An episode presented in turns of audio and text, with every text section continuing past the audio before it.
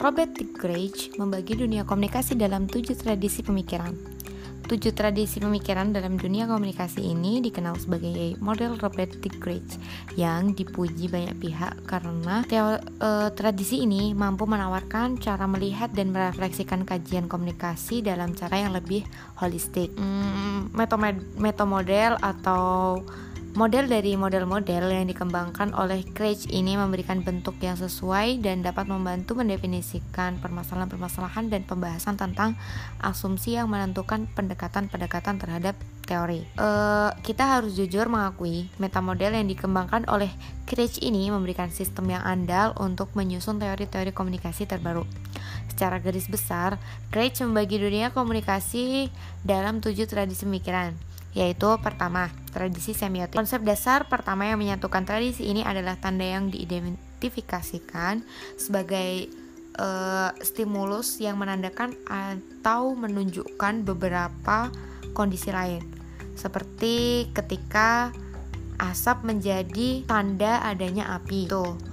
Uh, konsep dasar yang keduanya itu adalah simbol yang menandakan tanda yang kompleks dengan banyak arti, termasuk arti yang sangat khusus. Tradisi semiotik itu terkonstruksi dari tiga wilayah kajian, yaitu yang pertama itu ada semantik, kemudian ada sin sintaktik, kemudian ada pragmatik. E, pembagian sintaktik, semantik, dan pragmatik biasanya digunakan secara luas untuk mengelola kajian semantik. Namun, nggak semua orang itu setuju kalau misalnya hal ini merupakan cara yang paling bermanfaat. Uh, Donald Ellis misalkan, beliau menegaskan semantik bukanlah cabang yang terpisah, tapi lebih tampak sebagai batang yang menopang keseluruhan pohon. Baginya, makna sebuk makna itu bukan sekedar permasalahan yang leksikal semiotics atau makna kata-kata, melainkan termasuk juga struktural semantik atau makna-makna struktur bahasa. Kemudian yang kedua tuh ada tradisi fenomenologis. E, teori ini tuh mengasumsikan bahwa orang-orang secara aktif menginterpretasi pengalaman-pengalamannya dan mencoba untuk memahami dunia dengan pengalaman pribadinya gitu. Tradisi ini tuh memperhatikan pada pengalaman sadar seseorang. Proses mengetahui dengan pengalaman langsung merupakan wilayah kajian fenomenologis ini. Kalau misal semiotik kan cenderung memperhatikan tanda dan fungsinya. Kalau fenomenologis ini beda lagi. Tradisi ini tuh lebih ngeliat pada sosok penafsir sebagai komponen utama dalam proses komunikasi. Pakar tradisi fenomenologis Maurice Merleau-Ponty menyimpulkan tuh ada tiga prinsip dasar dari tradisi ini. Pertama, pengetahuan ditemukan secara langsung dalam pengalaman dasar. Kemudian, yang kedua tuh makna benda terdiri atas kekuatan benda dalam kehidupan seseorang. Contoh kecilnya nih, misal kamu ingin mengambil kajian teori komunikasi dengan serius sebagai pengalaman kamu di bidang pendidikan. Ketika kamu mengalaminya sebagai sesuatu yang akan memberikan pengaruh positif pada ke kehidupan kamu. Kemudian yang asum asumsi yang ketiga tuh bahasa merupakan kendaraan makna. Kayak misal kita tahu kunci karena bahasa yang kita hubungkan dengannya itu kayak menutup, membuka, besi, terus berat dan sebagainya. E, tradisi fenomenologi ini tuh dianggap mayoritas sama ahli komunikasi sebagai kayak apa ya? Sesuatu yang naif gitu.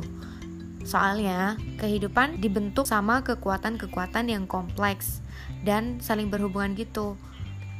Cuman beberapa di antaranya aja yang dapat diketahui dengan sadar pada waktu tertentu. Kita nggak nggak bisa menginterpretasikan sesuatu dengan sadar hanya dengan melihat dan memikirkannya. Pemahaman yang sungguhnya datang dari analisis yang cermat terhadap sistem, sistem efek. Kemudian ketiga tuh ada tradisi sibernetika. E, tradisi ini tuh anu sistem-sistem kompleks yang di dalamnya tuh banyak orang saling berinteraksi, memengaruhi satu sama lainnya perspektif sibernetika tuh dibutuhkan dalam memahami kedalaman dan kompleksitas dinamika dalam komunikasi. Misalnya, dalam memahami pola hubungan interaksi dalam sebuah keluarga. E, dalam teori ini tuh juga dalam tradisi ini, Deng, dalam tradisi ini tuh juga menjelaskan bagaimana proses fisik, proses biologis, sosial, sama perilaku bekerja. Dalam sibernetika, komunitas tuh dipahami sebagai sistem bagian-bagian atau variabel-variabel yang saling mengaruhi satu sama lain gitu. Terus juga membentuk sama mengontrol karakter keseluruhan sistem dan layaknya organisme gitu. Teori sibernetika itu tuh dibagi tuh menjadi empat variasi teori.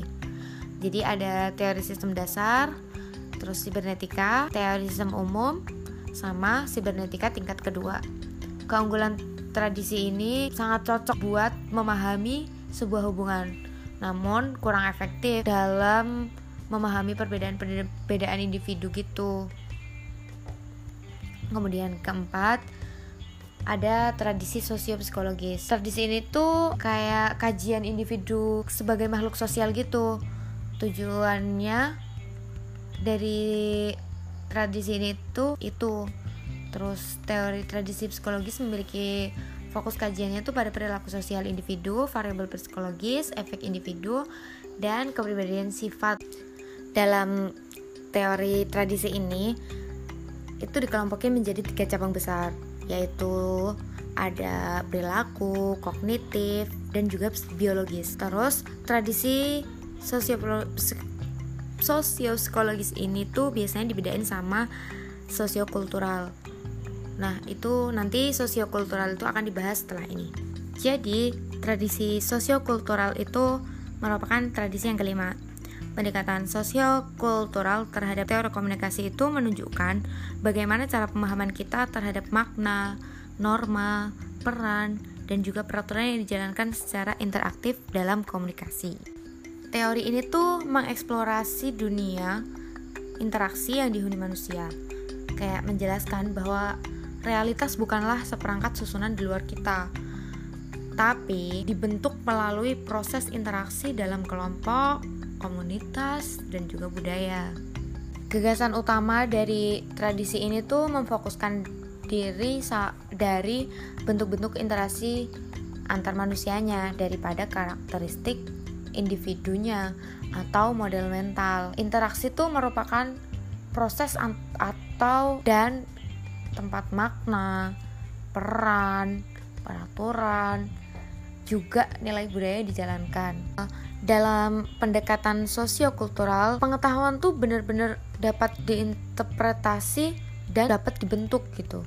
Banyak teori yang sosiokultural ini tuh juga memfokuskan pada bagaimana identitas-identitas dibangun melalui interaksi dalam kelompok sosial dan juga budaya. Tradisi sosiokultural ini tuh memiliki sejumlah sudut pandang nih yang sangat berpengaruh gitu. Antara lain pertama tuh paham interaksi simbolis, terus konstruksionisme, sosiolinguistik, filosofi bahasa, etnografi, dan juga etnometodologi. Kemudian tradisi yang keenam tuh ada tradisi kritik tradisi tradisi kritik ini tuh menyangkut gimana kekuatan dan tekanan serta keistimewaan sebagai hasil dari bentuk-bentuk komunikasi tertentu dalam masyarakat.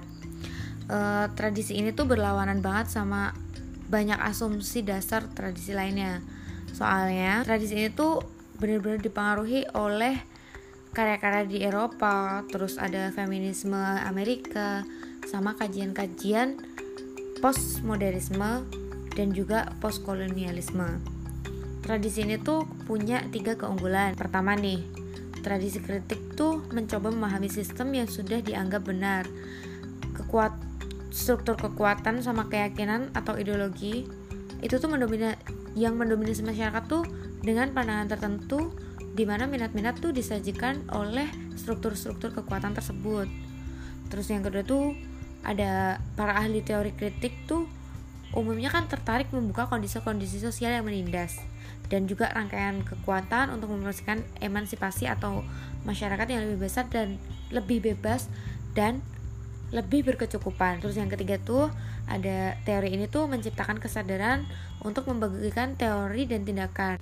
Hal yang paling terkini Kajian ini tentang bagaimana praktik komunikasi berfungsi menyebarkan ideologi-ideologi gender yang dimediasi wacana menjadi mengemuka dan merefleksikan variabilitas kajian budaya ilmu komunikasi. E, kemudian yang terakhir itu ada tradisi retorika. Awalnya, retorika ini berhubungan dengan persuasi, sehingga dimaknai sebagai seni penyusunan argumen dan juga pembuatan naskah pidato. Lantas, teori tradisi ini berkembang meliputi proses adjusting ideas to people and people to ideas dalam segala jenis pesan. Fokus dari retorika telah diperluas bahkan lebih mencakup segala cara manusia dalam menggunakan simbol untuk memengaruhi lingkungan di sekitarnya dan juga untuk membangun dunia tempat mereka tinggal. Pusat dari tradisi retorika adalah lima karya agung retorika, yaitu penemuan, penyusunan, gaya, penyampaian dan juga daya ingat. Nah, itu tadi tuh ketujuh tradisi pemikiran Robert T. Craig.